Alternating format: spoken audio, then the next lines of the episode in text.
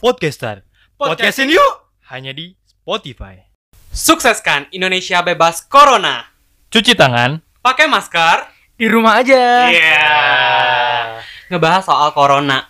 COVID-19 ya. COVID-19. COVID-19 is a killing me. Woi, udah, udah, udah, udah, udah, udah, udah. Tapi gila banget sih gara-gara COVID-19 ini ya. Jadi imbasnya ya di terhadap negara kita ini ya. Mm-mm. Tapi sebelum kita bahas imbasnya terhadap kita dan negara kita Mm-mm. nih, pastinya gue pengen informasiin uh, bahwa pada saat ini Pada berdasarkan saat ini. info yang kita dapat dari www.covid19.go.id, Waduh. legit banget nih ya, Legit. bahwa ternyata di Indonesia itu udah ada uh, 8.211 kasus positif corona dengan total uh, pasien yang sembuh sebanyak 1002 orang dan yang meninggal sebanyak 689 orang.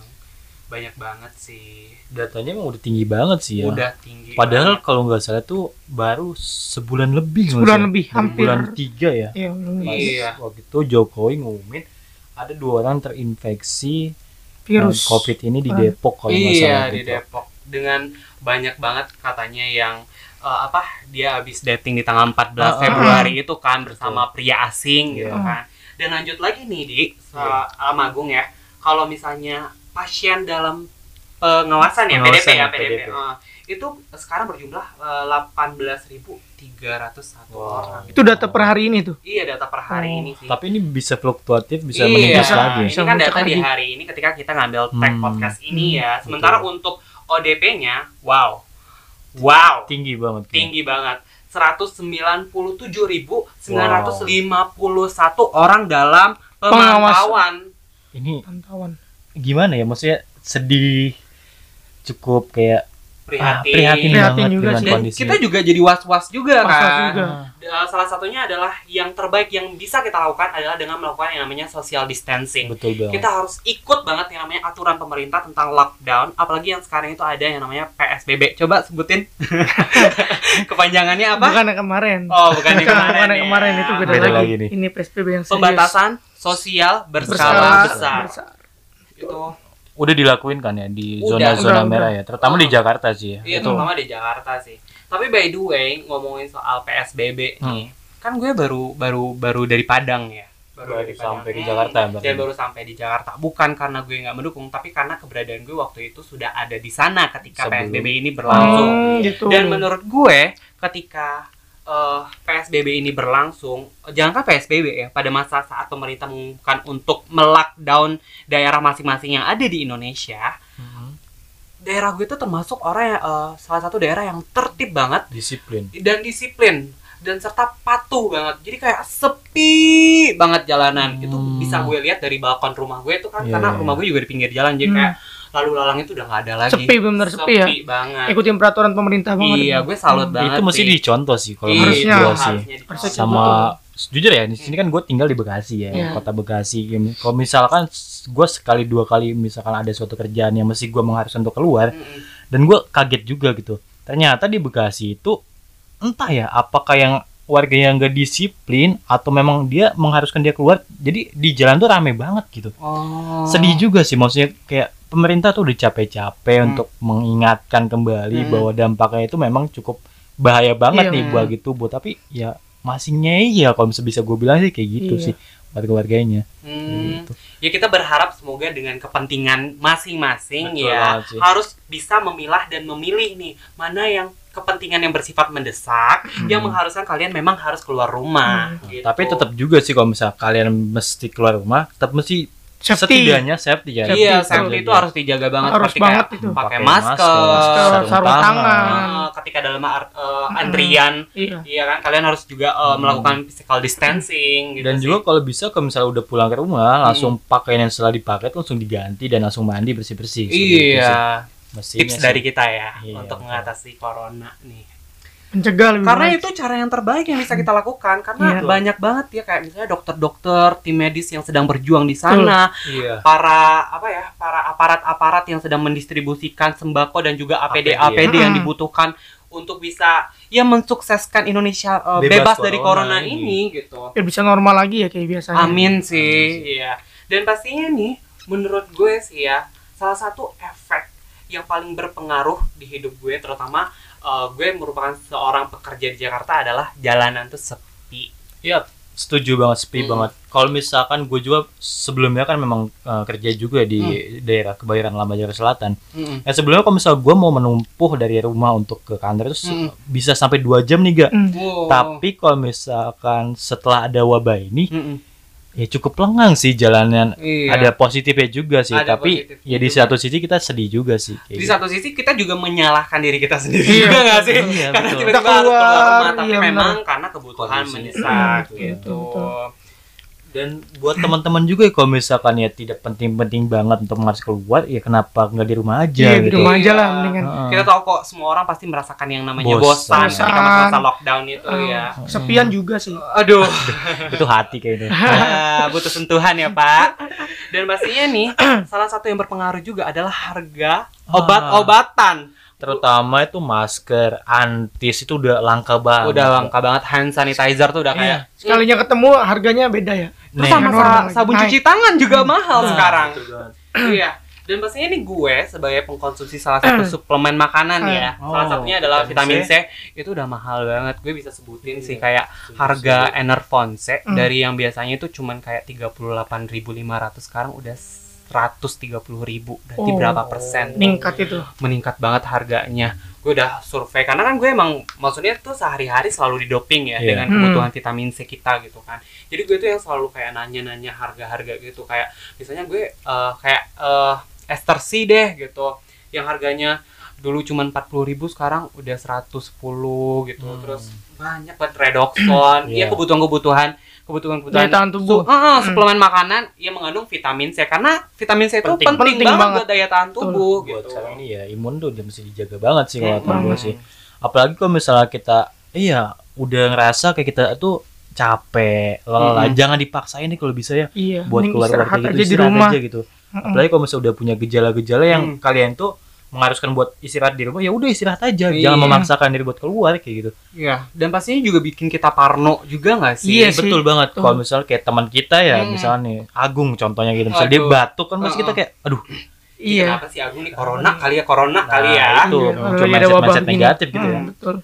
dan Mm-mm. satu hal lagi ya kalau misalnya buat teman-teman juga ya kalau misalnya masih mengharuskan buat kerja keluar ya tolonglah maksudnya sebisa mungkin gunakan masker segala macam itu dan ya tolong banget yang buat di rumah aja yang bisa mengerti dengan kondisi kayak gini Iya, gitu. dan bisa betul. melakukan kegiatan-kegiatan yang, Yang positif, positif. gitu. Tapi jujur, gue awal-awalnya sih memang merasa wow gitu kan. Kapan lagi nih kita bisa dapetin kayak eh, kesempatan untuk eh, bekerja dari rumah Hmm. gitu kan, bisa menikmati momen bersama keluarga juga. Dan pastinya ini banyak banget hal yang gue lakukan di rumah. Salah satunya mungkin gue juga bisa belajar masak di rumah. oh itu, Itu- lagi hits banget itu, tuh itu gue blessing banget sih. Dan kalian bisa lihat konten-konten di Instagram juga tuh pada banyak-banyak banget Iya, orang yang betul. melakukan kegiatan yang masih bisa beraktivitas dan bermanfaat juga ketika menghadapi masa-masa lockdown ini gitu. Banyak banget sih. banyak banget sih emang ya kalau misalnya masalah makan makan dan masakan kayak gitu ya Iya benar banyak banget. kayak Banyak menyalurkan banget. hobi juga sih Iya, ya tapi rata-rata tuh perempuan yang bikin kayak gitu. iya Laki-laki jarang. Iya, tapi kan laki-laki kan juga bisa apa kayak ngebersihin Iya, rumah betul. gitu kan kayak siapa Iya. tahu kalian pengen ngecat pagar. Iya betul. Iya. Cat pagar, pagar makan tanaman. Tapi sih, Heeh. mm, apa gimana nih? Gimana nih? Coba Gong, lu jelasin deh. sedih juga sih kalau misalkan lagi ada wabah kayak gini tuh Mm-mm. kita masih WFO. Oh Kerja. di office. Oh, oh lu oh iya kalau kita Karena kan gua ngerasain. Ya, heeh. Cuman ya gue tetap safety sih pakaiannya. Hmm. Kita pakai masker, Mm-mm. sanitizer selalu dibawa Mm. ke mana-mana. Iya hari ini juga Iya. nganterin APD juga ya. Iya kebetulan tadi hari ini nganter APD ke Jakarta dan bener banget Jakarta tuh lenggang banget. Tadinya berangkat sekitaran satu jam, jaraknya sekarang cuma 30 menit, 45 menit. karena sepi banget gitu Hmm, iya sih. Tapi salah satu hal yang bisa gue lakukan ketika gue menghadapi masa lockdown ini pada saat mungkin gue melakukan yang namanya kegiatan work from home ya alias Hmm. bekerja dari rumah itu tetap eh, hasil pekerjaannya diusahakan seoptimal mungkin Iya. melakukan koordinasi-koordinasi dengan eh, rekan-rekan kerja dan juga Hmm. mitra-mitra kerja juga dan pastinya stalking-stalking Instagram. mantan wow, enggak juga sih. Bye. Dan pastinya banyak banget nih ya kayak konten-konten viral di Instagram juga, di Iya. YouTube gitu kan yang bisa menjadi ajang untuk menghibur diri kita Betul. sendiri Iya, betul. dalam menghadapi apa eh, kondisi pandemi ini Iya. gitu. Salah satunya TikTok kayaknya. Itu TikTok TikTok banget sumpah. selain TikTok kayak kayak gini-gini nih kayak Apa? kita ini Oh, betul Oh, iya. banget. betul bisa ngisi apa namanya waktu luang lah Iya. mandi di rumah kan Dan bermanfaat juga. bermanfaat buat Insya kita Allah insya. Allah buat Ya, teman-teman juga kan Mm-mm. Jadi buat kalian semua yang lagi masa lockdown bingung mau ngapain, ya udah podcastin yuk. Tapi gue salut banget nih sama tokoh-tokoh yang memang Iya. memberikan informasi-informasi positif terkait dengan perkembangan kasus COVID-19 di Indonesia.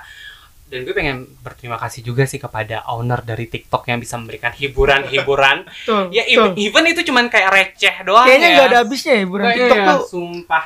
Eh, Mulai jangan dari- lupain juga bukan Apa TikTok doang sih di IG Apa? tahu nggak sih yang menarik-menari buat menggendong mayat tuh nggak sih itu? oh ada tuh ya itu hits banget ya tuh lagunya gimana coba sih kan Oh, tahu gue lagunya nggak tahu sih. yang gimana? tet, tet, tet, tet, yang itu tahu Oh, nggak gue. tahu. Oh, gue nggak cuman gue Eh. cuma kayak ngikutin beberapa akun Instagram salah satunya adalah bukan bintang Emon. oh Dia kan suka kayak marah-marah juga sama kayak apa yang kita lakuin, tapi Iya, tujuannya kan emang baik banget gitu kan dan sampai kayak diundang juga di podcastnya Deddy Kobuzer dan dia juga kayak eh, menyampaikan Oh, iya. opini-opininya eh, tentang eh, COVID-19 ini gitu. Ya, gue- viral ya pak Iya viral banget dan gue juga maksudnya tuh kayak terhibur juga sih. Terima kasih. gue juga Hmm. sih mau mengucapin terima kasih juga nih buat salah satu toko ya Hmm. yang gue kenal itu dia tuh awalnya emang su- seorang dokter nih dokter Tir- Tirta namanya Oh, dokter Oh, Tirta. Ya. Ah. alias Cipeng kalau nggak salah dia Oh, tuh iya. sebenarnya dokter tapi sudah Hmm. lama nggak praktek dan Hmm. jadi tuh dia mempunyai bisnis namanya uh, cuci sepatu Mm-mm. dan kali ini dia tuh dengan semangatnya menyuarakan untuk uh, membebaskan Indonesia dari Corona. COVID. Corona. Iya, corona ini. Tapi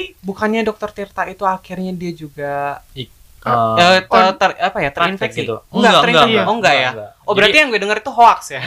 itu sempat ada pada awalnya sih Iya. memang begitu. Mm. Uh, kalau nggak salah yang Iya. yang gua baca, yang gua dengar juga uh, enggak sih negatif sebetulnya gitu. Dan, dan Hmm. sekarang dia masih tetap semangat buat menyuarakan buat teman-teman influencer yang lainnya Hmm. untuk membantu mendonasikan uh, apa yang dia punya untuk sesama gitu. Iya. Buat berbagi seperti Terima kasih kepada dokter Makasih Ti- banget. Tirta yang sangat berdedikasi tinggi Betul, banget semangat ya. banget dia situ. Ada juga tuh Eki, lu tau nggak Eki Oh. Eki itu yang sempat berantem sama Dinda Safai gitu selebgram juga jadi dia tuh kayak mengkoreksi informasi-informasi terkait hoax ya Oh. yang menyebar salah satunya adalah kayak eh, ada mm, ini apa namanya air purifier Iya. yang diisi amadeto kan itu berbahaya banget tuh. Hmm, Nah itu tuh hmm, yang direvisi sama si Eki. Gue terima kasih juga karena telah mencerdaskan masyarakat Indonesia dan Iya. menghindari yang namanya hoax dan penyebaran hoax yang ada di Indonesia ini terkait pandemi COVID-19 ini gitu. banyak banget sih yang orang-orang Hmm. yang sangat bermanfaat ya untuk mendonasikan dirinya setidaknya Hmm. tuh ya kita bisa mulai dari diri kita sendiri gitu Hmm. Setidaknya di rumah aja udah cukup banget Cukup itu banget buat, itu. buat membantu uh, Mencegah. yang di sana Hmm. gitu mencegah simple sih ya. simple sebenarnya di dan rumah aja nih banyak banget orang-orang baik di luar sana yang melakukan aksi penggalangan dana Iya. gitu. Kalian bisa lihat eh, di televisi, di media-media sosial ada yang namanya konser-konser amal, Iya. ada Raisa, ada Afgan, Ari Lasso Ari Lasso, bahkan dari penyanyi mancanegara juga tuh ikut gitu menggalang dana dengan melakukan konser ya yang bertajuk konsep amal untuk penggalangan dana penangguhan COVID-19 ini Iya, gitu. biasanya sih konser di YouTube ya jadi Iya konsernya di YouTube dan Oh, di rumah di aja rumah aja. gitu. Dan Oh. mereka juga bisa berkarya di rumah aja. Kenapa mereka bisa? iya, Kita, enggak, enggak, gitu. mereka aja yang ngibur kita live streaming ya Wow, Kan? iya secara Lebih pengennya sih langsung Iya. ya. Iya siapa sih yang kangen nonton konser itu gitu kan. dia betul banget ya pokoknya ditahan-tahan dulu aja tahan dulu aja mending Tapi kalau misalnya lu nih, Mm-mm. kalau misalnya eh, pandemi COVID-19 ini berakhir, hal pertama yang akan lu lakukan adalah apa gung kalau lo Aduh, ayo kita mulai pertama nih. pertama Oh. banget bersyukur pastinya Iya, Iya, bersyukur. Iya. Terus? selebihnya paling ya apa ya apa coba sih merealisasikan wacana-wacana Iya. yang sudah di Nah, itu. Iya, Betul, gue bisa sih jadi. bakalan reuni bisa jadi tuh Sama Iya. teman. Kalau gue sih ngumpul bareng Ngumpul bareng teman-teman, Karena gue kangen betul. banget sama teman-teman Kangen gue. banget gue sama out buat uh, Sumi Records, Iya. buat Ana Zerli, buat yang lagi dengerin podcast ini. I miss you so much. Kapan kita meet up lagi? Nah, Gitu. itu yang tunggu-tunggu setelah Iya sih. wabah Gue- ini kelar semua. Mm-mm, gue Beres. tuh pengen banget tuh soalnya kan waktu itu sempet gue udah ngebooking hotel gitu kan Wah. tapi nggak bisa karena hotelnya juga udah nggak bisa nerima tamu gitu. Oh. Hmm. sedih banget gue Sebenarnya bukan nggak bisa nerima tamu sih, Mm-mm. tapi kalau menurut gue ya hotel Mm-mm. itu ya mengikuti kebijakan yang udah ditetapkan oleh pemerintah. gitu. Iya, Salah satunya iya mendukung gitu. ya Iya, terima kasih cegah ya. juga kepada Ah. manajemen manajemen perhotelan yang Nah. turut patuh gitu Iya, ya betul banget. Dan gue pernah dengar juga waktu itu Hmm. ada di salah satu hotel dia tuh menyalakan lampu yang Hmm. bertandakan love Wow. dan itu untuk mengapresiasi dokter-dokter yang ada di Indonesia Hmm. gitu. Karena atas dedikasinya telah berada di garda terdepan buat menanggulangi bencana ini. Gitu. Sih, itu wow salut banget sih sama hotel yang itu. tapi ada yang mesti harus dicontoh nih lo tahu nggak bahwa ternyata dari 213 sebaran COVID-19 di dunia Hmm. ada beberapa negara dengan kasus kematian nol Oh, di mana? Di mana itu? itu adalah di negara Vietnam. Ini bukan uh, ini Hmm. ber- berdasarkan sumber Oh, yang oke, legit ya dari CNBC Indonesia Hmm. yang menyatakan bahwa Vietnam itu masih uh, dalam uh, kasus kematian yang nol. Padahal bisa kita lihat dari sisi geografis uh, mereka itu berbatasan sebelah utara dengan China China. langsung yang merupakan Hmm. negara awal penyebaran COVID-19 ini gitu. Dan negara-negara sekitarnya juga enggak seperti Kamboja, Hmm. Laos juga kasus kematiannya masih nol sih dan semoga ya Indonesia juga bisa belajar lah dari sih ya, Hmm. maksudnya dia itu mempersiapkannya lebih dini kalau Iya, menurut lebih gua dini, sih. lebih Ya bukannya lagi. kita mau menyalahkan pemerintah kita, Hmm. tapi ya setidaknya kita bisa belajar dari sana gitu kan. Heeh. Dan pastinya juga sih. ada negara-negara juga yang melakukan tuntutan, tuntutan Hmm. terhadap eh, negara China, coy. Karena ya dia mengira si virusnya dari sana Awalnya gitu. dari Iya, sana ya, awalnya awalnya dari sana. Cina. Dan ada juga eh, namanya teori konspirasi yang Nah. menyatakan bahwa COVID-19 ini merupakan senjata Senjata. biologis yang disebarkan ke seluruh Hmm. umat manusia gitu. Makanya ada negara-negara yang memang menggugat China Mm-mm. eh, terkait kasus ya penyebaran wabah COVID-19 ini yang menjadi pandemi ya dari Iya. seluruh dunia negara di dunia ini gitu. Dan pastinya selain tadi kita udah bahas banyak hal terkait corona ya dan dia nggak habis-habis dan semoga juga virusnya juga udah habis gitu ya. Amin. Makanya juga kita menggalakkan sukseskan Indonesia bebas corona. Yo, nih. semangat semangat. semangat semangat gitu. Di rumah aja. Iya cuci pasti tangan. ada gue percaya Tuhan itu menghadirkan sesuatu itu nggak ada yang 100% salah pasti ada dampak positif dari kejadian ini gitu Ya mesti ada pembelajaran juga diambil benar gitu. banget sih Soal- di Iya soalnya ya kita mesti ambil sisi positifnya juga ya Hmm. dari sini tuh kita salah satunya itu tadi kita bisa kumpul di rumah bareng Hmm. keluarga Hmm, yang iya. misalkan tadinya sibuk misalnya orang tuanya ayahnya kerja Hmm. ibunya kerja dan anak kerja juga tiba-tiba dalam momen ini kita ambil sisi positif dan kita bisa kumpul sama-sama iya. dan ini momen yang sangat langka kalau menurut gue sih, sih iya langka banget Langka banget. karena gue juga waktu pada Nah, saat pulang kampung gitu kan ya ya. karena gue ngerasain banget sih biasanya kayak orang tua yang emang sibuk kerja Hmm. gitu kan karena terkait pekerjaan mereka yang emang super sibuk, Sibuk banget. banget. ketika gue pulang sehari-hari aja bahkan pada saat mudik itu rumah tuh sepi banget karena Hmm. mereka punya kepentingannya masing-masing Iya. terkait pekerjaan mereka Iya. juga gitu apalagi kalau misalnya eh, kayak eh, guru ya kan pasti yang ngikutin aturan pemerintah juga kan gitu Hmm. terkait libur juga nah namun dengan sekarang karena orang tua gue merupakan se- seorang guru ya otomatis karena sekolah diliburin juga ya mereka Hmm. juga lebih concern untuk eh, ya bekerja dari rumah gitu dan akhirnya gue bisa berkumpul bersama keluarga gue dan ya momen yang sangat langka Langka sih banget, gitu gue bersyukur banget ya bisa berkumpul ya bukan karena pandemi Hmm. ini gitu Iya, betul. gue bisa eh, berkumpul bersama keluarga itu merupakan sebuah kesyukuran banget buat gue gitu Tapi dampak negatifnya juga parah juga sih, Iya. prihatin juga. Salah satunya ya itu ada PHK. Oh, Nah, itu.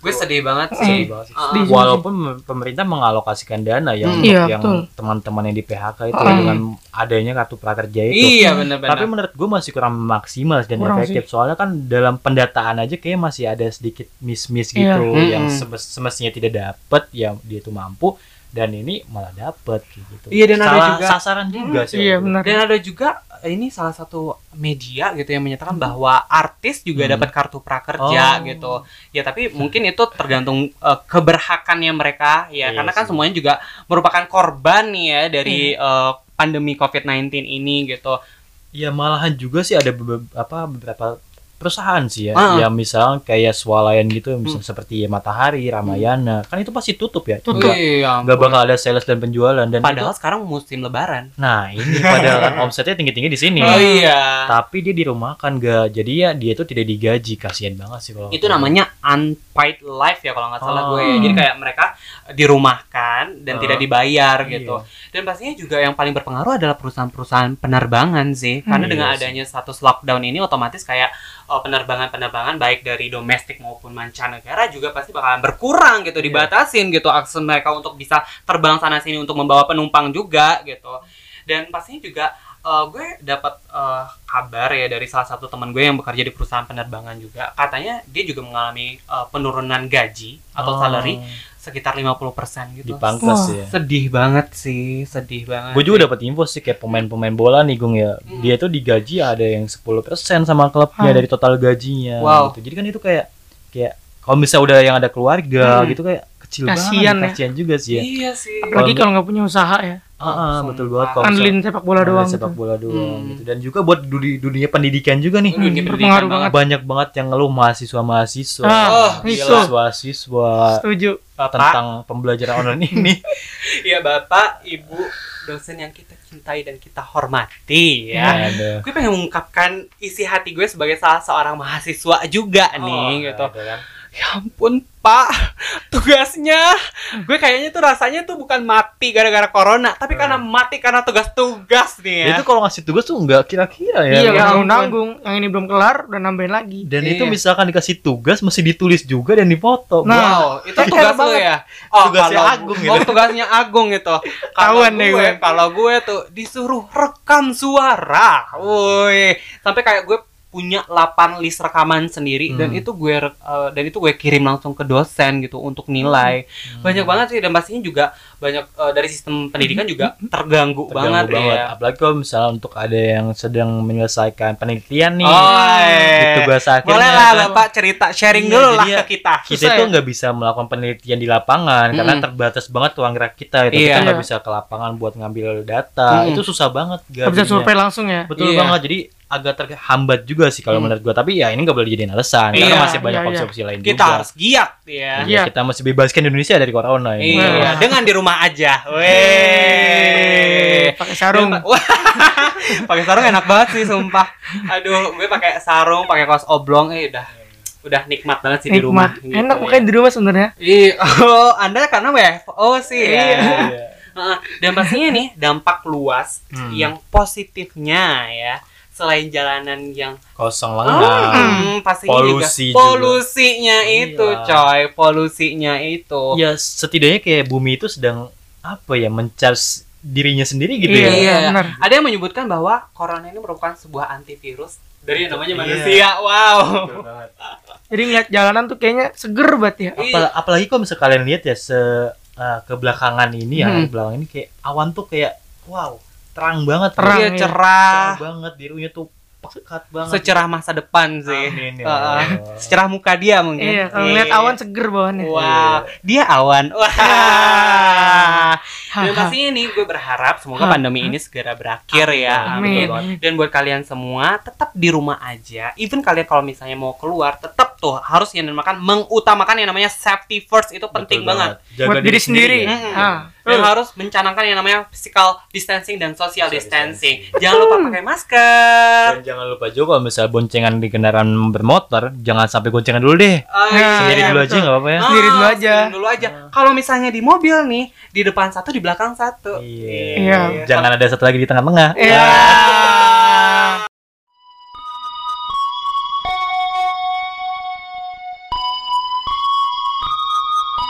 Kamu, makasih ya udah dengerin kita. Sampai ketemu di episode selanjutnya ya. Dengerin cerita kita di Podcaster. Podcastin yuk, hanya di Spotify.